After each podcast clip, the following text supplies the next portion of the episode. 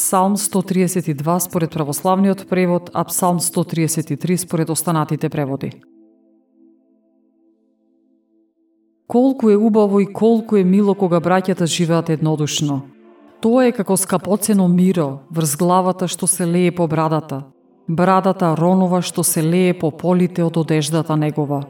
Како роса ермонска која паѓа на горите сионски, зашто Господ дал благослов и живот вечен.